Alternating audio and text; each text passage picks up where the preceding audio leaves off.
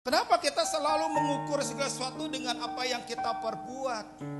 Bahwa kekristenan itu berapa banyak yang kita lakukan, berapa persembahan yang kita berikan. Semuanya diukur dengan apa yang kita lakukan.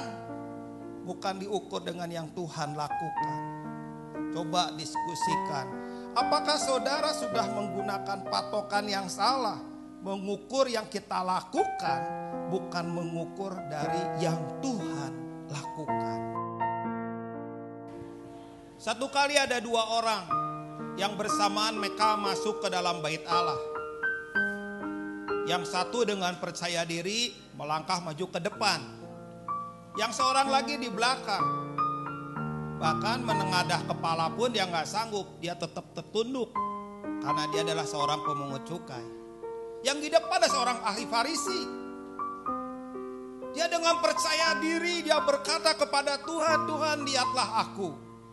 Aku minggu berapa kali berdoa puasa.